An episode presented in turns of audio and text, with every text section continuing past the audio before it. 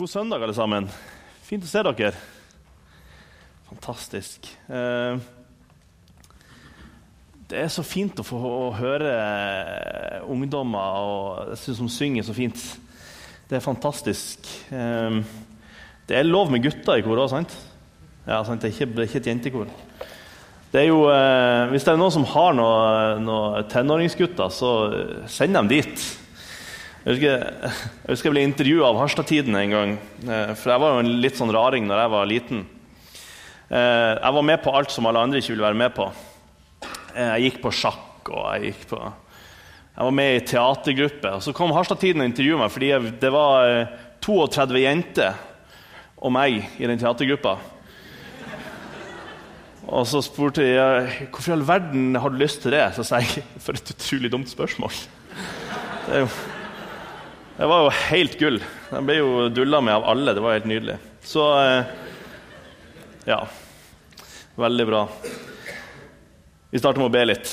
Kjære Jesus, takk for at du er her. Takk for at du var her før oss. Takk for at du skal være her etter at vi har gått. Herre, jeg ber om at eh, du nå må åpne ordet for oss. Gjør det stille i vårt indre og hjelp oss til å ta til oss av det som du har for oss i dag, Herre. Så ber jeg også for eh, de midlene som blir samla inn. Eh, takk for at vi skal få lov å drive et arbeid for ditt rike. Jeg ber om at du skal velsigne midlene, og ber om at de skal bli brukt til det som du ønsker. Må du velsigne enhver glad giver. I Jesu navn. Amen. Søndagens tekst er henta fra Johannes kapittel 3. Og det er jo et relativt kjent kapittel, i hvert fall i hvert fall deler av det er jo eh, veldig kjent for mange. Um, jeg tror vi bare leser, leser teksten helt først. Det står i Johannes 3, fra vers 11 til og med 16. Sannelig, sannelig, jeg sier deg. Vi taler om det vi vet, og vitner om det vi har sett. Men dere tar ikke imot vårt vitneutsagn. Hvis dere ikke tror når jeg taler til dere om det jordiske, hvordan kan dere da tro når jeg taler om det himmelske? Ingen annen er steget opp til himmelen enn han som er steget ned fra himmelen, menneskesønnen som er i himmelen. Og slik Moses løftet opp slangen i ørkenen, slik må menneskesønnen bli løftet opp, for at hver den som tror på ham, skal ha evig liv. For så høyt har Gud elsket verden, at han ga sin sønn, den enbårne, for at hver den som tror på ham, ikke skal gå fortapt, men ha evig liv. Det ikke så mange vet, altså de, akkurat de versene der For så høyt har Gud elsket verden. Det er jo noen vers vi kan så godt. Kanskje for godt. Og med det mener jeg kanskje det er noen vers som vi bare vi leser dem, eller når vi hører dem, så tenker vi ja, ja, jeg har hørt det før. Men det mange ikke vet, er at bakteppet eller som jeg ikke husker på, at bakteppet for denne, disse kjente versene det er faktisk en tale som Jesus holder. Ehm, det er en tale som Jesus hadde til én person.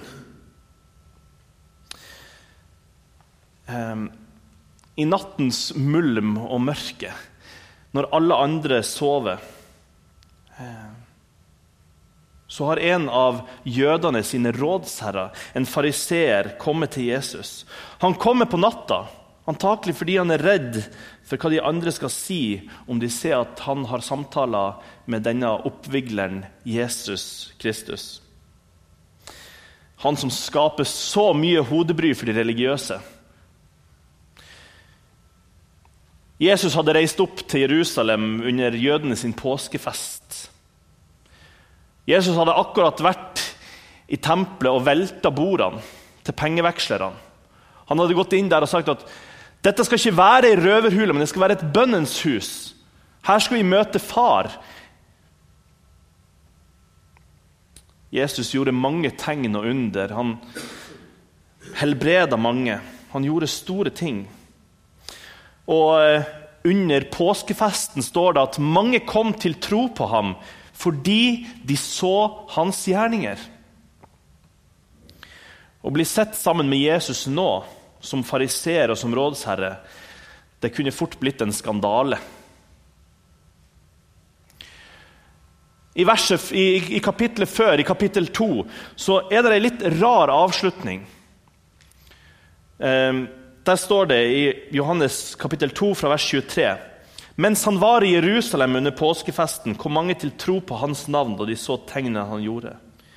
Men Jesus viste dem ingen fortrolighet, for han kjente alle og trengte ikke at noen skulle vitne om mennesket. Han visste selv hva som bodde i mennesket. Hvorfor ble ikke Jesus overveldende glad for dette? her? Hvorfor, det, hvorfor viste han dem ingen fortrolighet? Troen deres var knytta til fysiske tegn, og ikke det åndelige aspektet ved at Jesus hadde kommet til jord. Ikke ved det at Jesus var Messias, ikke det at Jesus var han som skulle komme, men fordi han gjorde tegn og under. Eh, vi ser flere ganger i Johannes' evangelium hvordan Johannes er opptatt av at Jesus så det som lå bak menneskene sine motiv. I Johannes 6, 26 så står det dere leter ikke etter meg fordi dere har sett tegn, men fordi dere spiste av brøden og ble mette. Det var derfor han heller ikke kunne vise dem fortrolighet. Å være fortrolig å vise fortrolighet det handler om å dele sine innerste tanker med mennesker som man stoler på. Den tilliten handler om at den som blir vist fortrolighet, at han er villig og interessert i å lytte til budskapet ditt.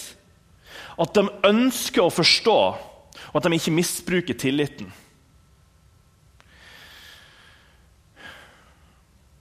Men disse var ikke interessert i å forstå. Mange av dem var opptatt av tegn, av under, av det Jesus kunne gjøre. Og mirakelmannen Jesus. Og Nå kommer altså Nikodemus, denne høytstående mannen til Jesus, midt på natta. Og så sier han, 'Rabbi, vi vet at du er en lærer.' Som kommer fra Gud. For ingen kan gjøre de tegnene du gjør, uten at Gud er med ham. Nikodemus titulerer Jesus som lærer. Han anerkjenner til og med at han må være sendt fra Gud. Han sier, 'For ingen kan gjøre de tegnene som du gjør, uten at Gud er med ham'. Jesus har flere ganger irettesatt dette higet etter tegn og under. I Matteus 12 så står det noen av fariseerne og de skriftlærde kom til ham og sa, 'Mester, vi vil gjerne se deg gjøre et tegn.' Vi vil gjerne se deg gjøre et tegn. Men han svarte dem, 'En ond og utro slekt krever tegn.' Men den skal ikke få noe annet tegn enn Jonah-tegnet. For slik profeten Jonah var i buken på den store fisken i tre dager og tre netter, slik skal menneskesønnen være i jordens dyp i tre dager og tre netter. Det var det Jesus var opptatt av. Profetien om han. Om han, at han var Messias. Hele grunnen til at Jesus kom til jord, det var Jesus opptatt av. Ser vi ikke litt av det samme i dag også? I ekstremkarismatikken rundt omkring. Et hig etter tegn og under som på mange måter blir basen og grunnlaget for trua. Jeg har vært på noen møter. Jeg, jeg har jo vokst opp egentlig i en litt karismatisk sammenheng. Og har sett en del møter der det har vært sånn Å, vi skal se himmelriket på jord i kveld. Og Guds engler skal sende englestøv, og jeg skal puste på deg, så faller du til bakken. Tegn og under er ikke noe negativt. Tegn og under kan være en god ting. Det er jo derfor Jesus gjør det, fordi det er en god ting å gjøre. At han kan få lov til å vise under i våre liv. Det er godt å oppleve mirakel. Det er godt å oppleve å bli helbreda fra alvorlig sykdom. Det er godt å oppleve når Gud rører livene våre. Det kan være trosstyrkende. Men hvis det er det du bygger din tro på Jesus på, da har du et problem. Hvis du er en av de som baserer ditt kristenliv på under, på tegn, på følelsene du får, og på opplevelsene du har med Gud. Og så opplever du plutselig at det blir stille fra Gud. Hva da? Sånn som Abraham. Det var stille lenge. Gud var stille lenge. Hvordan opplever du det når du plutselig ikke lenger hører Guds stemme så tydelig? Når du føler at du er helt alene, når det ikke lenger er noen tegn og under? Hva har du bygd på? For Hvis du har bygd da på tegn og under som du skal oppleve, så rakner hele fundamentet ditt. Fordi jeg vet at mine følelser er flyktige. Jeg vet hvordan mine følelser kan svinge fra dag til dag. Og så de dagene jeg føler at nei, i dag, i dag føler jeg ikke Gud så nær, så er plutselig hele grunnlaget mitt borte. Jesus går sjøl i rette med de som bare søker tegn. Disse som må se for å tro. Eh, Thomas Jeg syns litt synd i han, egentlig. Altså, Han tvilte på Jesus. Eh, liksom, han var litt skeptisk til hele konseptet med at et menneske kan stå opp fra de døde. Og I all ettertid så har han blitt kalt for Thomas tvileren. Det er litt, litt kjipt å få det tilnavnet. Men, men Thomas han sier at nei, hvis ikke jeg får lov til å legge hendene mine, ta i, i naglemerkene hans, legge hendene mine i sårene på Jesus, så kan jeg ikke tro. Og så plutselig står Jesus der. Han har stått opp fra de døde, og så står Jesus der. Og så sier han, 'Thomas, kom, legg hendene dine i mine sår.' Og tru. Ikke vær tvilende, men tru. Og så sier han, 'Min Herre og min Gud'. Og så sier han, 'Du tror fordi du har sett'. Men salige er de som tror, og de som ikke, ikke, ikke ser og allikevel tror. Det er sånn vi lever. Vi lever først og fremst i denne verden med at vi ikke ser. Vi ser ikke fullkomment. En dag skal vi få se, men nå vandrer vi egentlig litt i mørket. Og Vi må stole på Guds ord. Vi må stole på at Jesus, fundamentet vårt med Jesu døde oppstandelse, holder. Uansett. Um. Derfor Når Nikodemus nå kommer til Jesus, så er han en av mange som anerkjenner han nærmest som en sånn mirakelmann. Han sier at ja, vi ser jo tegnene og undrene du gjør, og det er klart, Gud må jo være med i det. Han anerkjenner det han gjør, men Jesus ønsker å være så mye mer enn det han gjør. Jesus ønsker å være så mye mer enn et brødunder. Jesus ønsker å være så mye mer enn å gi en blind mann synet tilbake. Han vil være herre. Han vil bli anerkjent som Guds sønn. Han vil at Nikodemus skal se at han er den lovede Messias. Han er den som skulle komme og lide og dø. At han var offerlammet som de hadde venta på. Derfor begynner Jesus på en pedagogisk måte, som han ofte gjorde. Jesus sa til han, du må bli født på nytt. Men Nikodemus forstår ikke. Han skjønner ikke hvordan en voksen mann, hvordan en som er gammel, kan bli født på nytt. Vi leser litt, Det står det Sannelig, sannelig, jeg sier deg. Den som ikke blir født av vann og ånd, kan ikke komme inn i Guds rike. Det som er født av kjøtt, er kjøtt, men det som er født av ånden, er ånd. Undre deg ikke over at jeg sa til deg, dere må bli født på ny. Vind blåser dit den vil. Du hører den suser, men du vet ikke hvor den kommer fra, og hvor den farer hen. Slik er det med hver den som er født av Ånden. Hvordan kan dette skje? spurte Nikodemus. En gang til så skjønner han ikke hva Jesus sier. Enda Jesus prøver å være så pedagogisk han bare kan, med han, så sier Jesus du er en lærer for Israel og, og vet ikke det. Du er en lærer for Israel og vet ikke det. Jesus undra seg over at han som lærer, han som kunne Skriftene, han som hadde lest profetiene, at han ikke skjønte det han snakka om. På samme måte som han flere ganger undrer seg over hvor lite disiplene har skjønt. Der de har vandra med Jesus, der de har hørt han forkynne. Disiplene, Jesus har dødd, og så sitter disiplene der i fortvilelse fordi de tenker nå er alt håp ute. Enda han har sagt til dem jeg skal dø, jeg skal stå opp igjen. Og Likevel så sitter de der i fortvilelse og tenker nei, nå er alt håp ute. Og Så har de ikke skjønt det. Nikodemus skjønner heller ikke. Ehm. Og det er da vi kommer til denne søndagens tekst.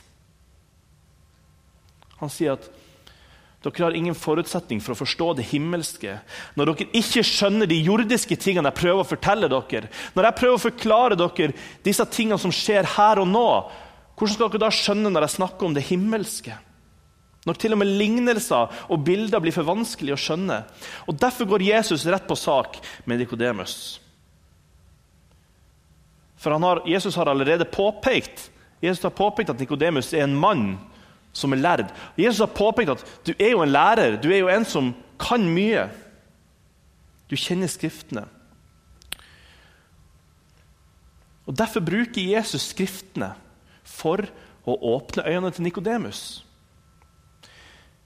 I går så talte jeg på Betlehem Ung om, om Emmaus-vandrerne.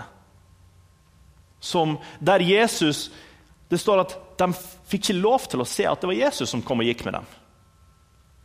Er ikke det en merkelig måte å framstå på? da? Han kunne jo bare sagt 'Her er jeg. Jeg har stått opp igjen. Halleluja.' Men det gjør han ikke. Han lukker øynene deres fordi at jeg tror at han ville, han, I stedet for så gikk, hadde han en bibeltime med dem. Han, sier, han legger ut skriftene fra dem, fra Moses av, og alle profetene, om det som skal skje. Og når den bibeltimen er over, da Det er jo Jesus. Han vil vise dem hvem han er, gjennom Skriften, og ikke gjennom manifestasjon. Han vet at 'jeg skal reise herifra, og så skal dere få talsmann i stedet for meg'. Dere skal få Den hellige ånd. Og når dere ikke ser meg lenger, hva skjer da? Vil det rakne? Så han viser dem Skriftene, sånn at de skal tro det profetene har sagt før sånn at de skal se at det er Jesus. Det gjør han med Nikodemus. Um, han sier um, For det er, pås, det er, påskefeiring i Israel, og de feirer utgangen av Egypt.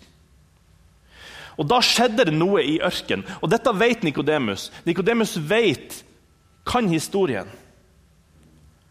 Folket var ulydig. Og Gud sendte inn slanger i leiren til israelsfolket.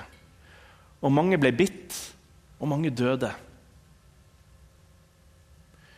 Eh, da vender folket seg til Moses og sier du må, du må be til Gud. Du må be han om å ta bort denne straffedommen. Du må be han om å ta bort disse slangene. Så, Gud, så ber Moses til Gud, og så gir Gud ham beskjed om å sette opp en kobberslange på en stake i ørkenen. Så sier Gud at alle som løfter blikket på kobberslangen, skal berge livet. Alle de som er bitt av slangene, og som løfter blikket på slangen i ørkenen, skal berge livet.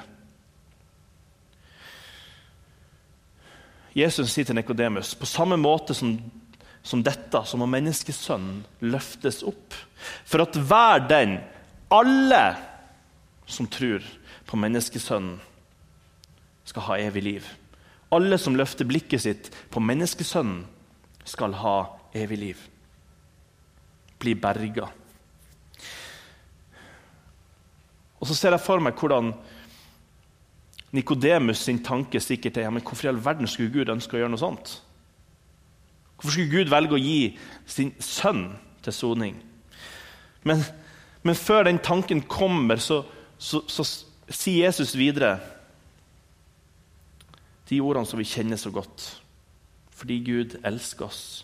Fordi Gud elsker verden så uendelig høyt at han valgte å gi sin sønn, den eneste. For at alle vi som tror på han, ikke skal gå fortapt, men ha evig liv. Det er redninga. Det er det som er redninga vår. Ikke tegn, ikke under, ikke loven, ikke profetene, ikke gode gjerninger. Ikke anerkjennelsen av profeten Jesus, av mirakelmannen Jesus. Men en anerkjennelse og aksept for at Jesus Kristus er Guds sønn, vår Herre, vår frelser. Det er vår redning. Det er vår kobberslange. Ser du hva Gud gjør i ørkenen? Gud tar ikke bort dommen. Gud fjerner ikke slangene, sånn som Israelsfolket ba om. Men han sender ei livbøye, ei redning. For synd mot Gud har konsekvenser, også for oss. Fordi vår konsekvens av synd, det er døden.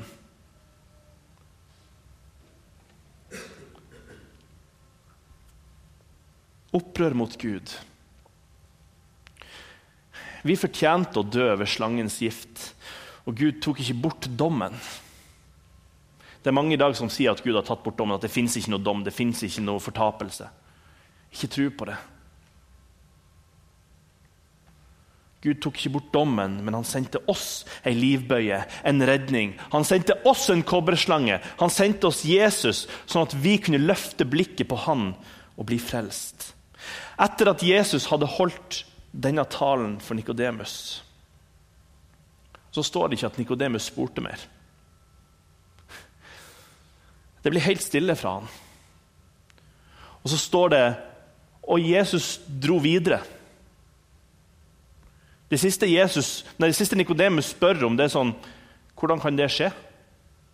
Det er et spørsmål. Det er et sånn, han skjønner ingenting siste gang vi hører fra Nikodemus. Jeg husker, jeg husker første gang jeg leste den historien. Jeg var 12-13 år gammel. så Jeg satt og las den historien. Og så tenkte jeg sånn Hallo! Du kan ikke slutte sånn. Hvordan gikk det med Nikodemus? Skjønte han det til slutt? Og så er det litt sånn, det er så spennende å lese Bibelen. da. Så ser du Nikodemus to ganger til. Du finner han i kapittel 7 igjen Så står det fariseerne og rådsherrene og de skriftlærde ville gripe Jesus og straffe ham. Så kommer følgende setning. Nikodemus, en av deres egne, han som tidligere hadde kommet til Jesus, sa da Loven vår dømmer vel ikke et menneske uten forhør før en har fått vite hva, hva det har gjort. Han vil gi han en rettferdig rettssak. Hm. Så spør de er kanskje du også fra Galilea. Er du, er du en av hans? Er du en etterfølger?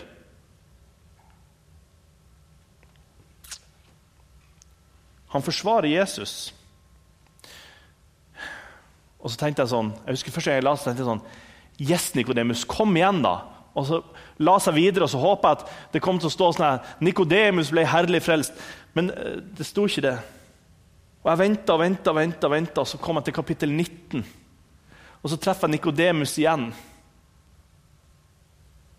Jesus er død, og Josef fra Arimathea har fått lov til å ta Jesu kropp og begrave han. Josef var en disippel i hemmelighet fordi han var redd for jødene. Så står det at Josef fra Arimathea ba nå Pilatus om tillatelse til å ta han i Jesu kropp. Eh, Pilatus ga han lov, og han kom og tok kroppen ned. Også Nikodemus var der. Han, kom, han som kom til Jesus første gang om natten. Og gjett hvem som har med seg dyr salve for å salve Jesus? til Nikodemus. Han har med seg salve for å salve Jesus, et tegn på stor respekt. Nikodemus hadde skjønt det. Nikodemus fikk åpna Skriftene. Han skjønte hvem Jesus var når han fikk høre Gamle testamenter, han fikk høre hva, profetene hadde sagt om han. Hva, han fikk se den røde tråden i Bibelen, og så ser han ha, du er Messias.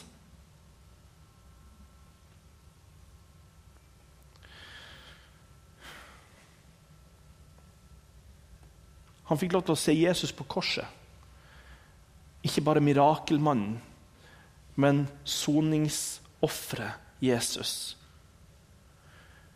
Og Jeg kan tenke meg hvordan Nikodemus, når han så Jesus dø Når Jesus blir hengt opp på korset, så må tankene ha streifa tilbake til den natta da han fikk livets ord direkte fra Jesu munn om kobberslangen. Jeg er sikker på at Nikodemus tenkte på kobberslangen når han da så Jesus. Profetien var oppfylt. Nå fikk han løfte blikket på Jesus og bli berga. Nå fikk han løfte blikket på Jesus og bli frelst. Og så vil Jesus fortelle oss det samme i formiddag. Profetiene er oppfylt. Også Jonategnet. Han var død, men han lever. Han lever i all evighet. Han lever i dag. Jesus var tre dager i grava. Og så brøt han fram i herlighet. Løft ditt blikk på Jesus i dag. Løft ditt blikk på Han som kan redde deg fra din synd, fra din dom.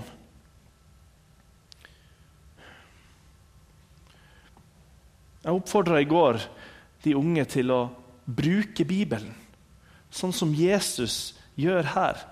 Ikke bare tenk at Nei, jeg leser Nytestamentet, og det holder lenge for meg. Det er når du leser Det gamle testamentet, du ser hvor fantastisk Guds plan er.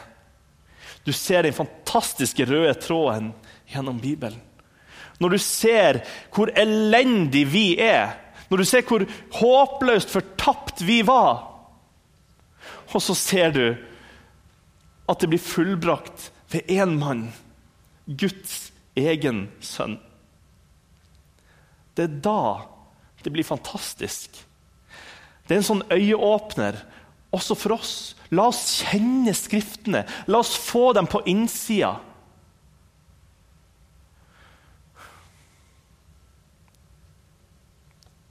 Gud har elska deg og deg og deg og deg og deg og deg så høyt. Gud har elska deg så høyt at han ga sin sønn som et offer, ei redning for oss, for at vi skal leve evig. Gud er god. Gud er god i alle omstendigheter. Takk, Jesus Takk for at du kom til vår jord. Takk for at du var villig til å ta vår straff. Herre, hjelp oss til å løfte blikket på deg. Hjelp oss til å fokusere på deg. Hjelp oss til å glemme verden rundt. Og se på du som er vår frelse, Herre. I Jesu navn. Amen.